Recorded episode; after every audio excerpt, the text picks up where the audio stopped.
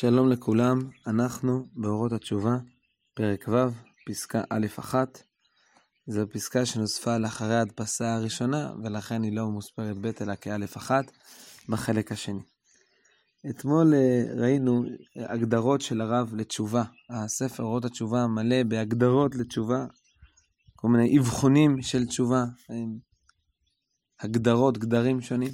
אז הרב פה מסמן שני סוגי תשובה, תשובה פנימית ותשובה חיצונית. התשובה הפנימית הכוונה היא שהאדם רוצה להיות אדם יותר טוב. אולם תשובה חיצונית הוא לא רצון פנימי יותר טוב, יותר טוב אלא אה, התנהגות חיצונית. האדם משנה את דרכיו בצורה חיצונית. אז אומר הרב, התשובה החיצונית תלויה במעשים. עולה של תשובה כשהיא לעצמה אינה משובחת.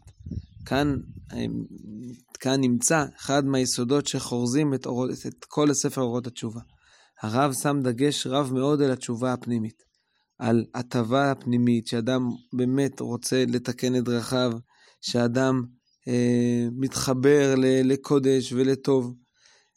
ואילו תשובה שאדם בפנימיותו מנותק מענייני הקודש, אלא שמבחינה חיצונית הוא פועל בצורה, הוא מבין שהוא צריך לשנות את דרכיו, זה נקרא אצלו עולה של תשובה. תשובה כמו עול, זאת אומרת, תשובה באופן אידיאלי איננה עול, אדרבה, היא משהו טבעי ואהוב וחלק מתהליך עולמי, לאומי, כמו שראינו בפסקאות עד כה. אבל לפעמים התשובה היא בבחינה של עול. וכיוון שכך, היא אינה משובחת. היא לא דבר רצוי, אלא שצריכה כמו רפואה. היא כמו תרופה. תרופה היא דבר שפתרון לדיעבדי, אחרי שכבר האדם חולה, הוא נדרש, ל... הוא נדרש לטיפול. ולהמשיך הרב עוד יותר מזה, על כן אף על פי שהיא עושה חיסרון, זאת אינה, זה רק תרופה במובן הזה שמדובר בשינוי חיצוני, אלא גם אנחנו יודעים שלתרופה יש תופעות לוואי. גם כאן, לתשובה חיצונית, ישנן תופעות לוואי.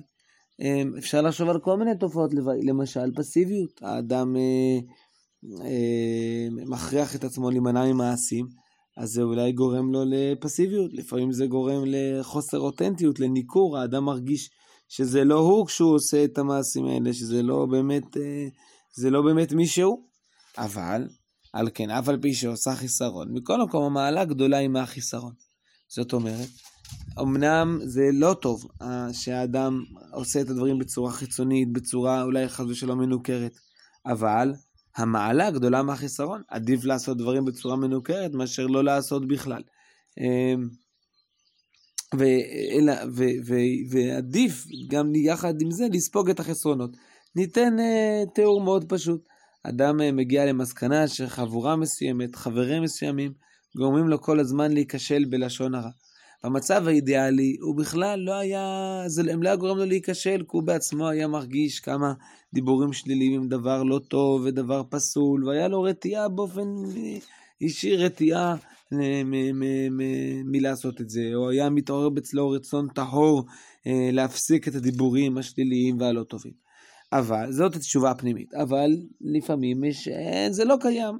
אדם, אדם מאוד נחמד לו בחברה, ומאוד כיף לדבר ולרקר אנשים, אה, אבל הוא מבין שאי אפשר, הוא זה עכשיו עושה חשבון נפש, והוא יודע כמה חמור זה דיבור לשון הרע, ולכן הוא מחליט להתנתק בכוח מהחברה הזאת.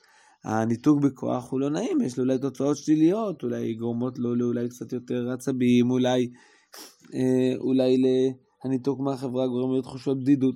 אפשר לחשוב כל מיני השלכות, רק אין ברירה.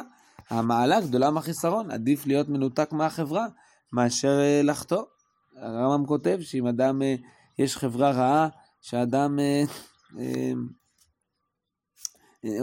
אדם בטבעו הולך אחרי החברה, וכשיש חברה רעה, אדם אפילו צריך לצאת למדבר, מי יתנני במדבר מלון אורחים. אז המעלה גדולה היא מהחיסרון. רק כאן מוסיף הרב עוד אה, מפנה, עוד טוויסט, ומה שם חסר האחד ישלים השני. זה, זה כיוון שזה מצב לא טוב, אז מה המענה לזה? המענה לכך הוא שגם אם אני לא, לא, אצלי זה חיצוני, אבל אצל מישהו אחר זה, זה פנימי. גם אם אצלי יש חיסרון, אצל השני זה יהיה בצורה מתוקנת. כלומר, אם אני אולי אה, נמנע מלשון הרע, וזה גורם, ההימנעות הזאת מהחברה אה, גורמת לי תוצאות שליליות, אבל לא כל האנשים נמנעים מהחברה. יש אנשים אחרים שנמצאים בחברה חיובית, אה, ובשבילם זה דווקא, אה, אה, החברה היא מעצימה אותם. כלומר, יש תשובה פנימית, התשובה הפנימית היא תשובה אידיאלית שאדם רוצה להיות טוב. יש תשובה חיצונית.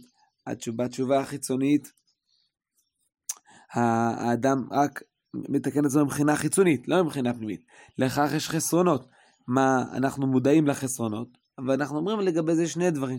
אחד, המעלה הגדולה מהחיסרון, בסופו של דבר היתרון יותר גדול מההפסד, ודבר שני, אה, מה שמחסר אחד, השלים בשני. גם אם התשובה גורמת לך איזושהי חולשה בנקודה מסוימת, אבל זה בסדר, כי בצורה כללית אין כאן פגיעה אה, כללית, כלל חברתית. בעזרת השם, בפעם הבאה נפרט יותר את המשמעות של הדברים.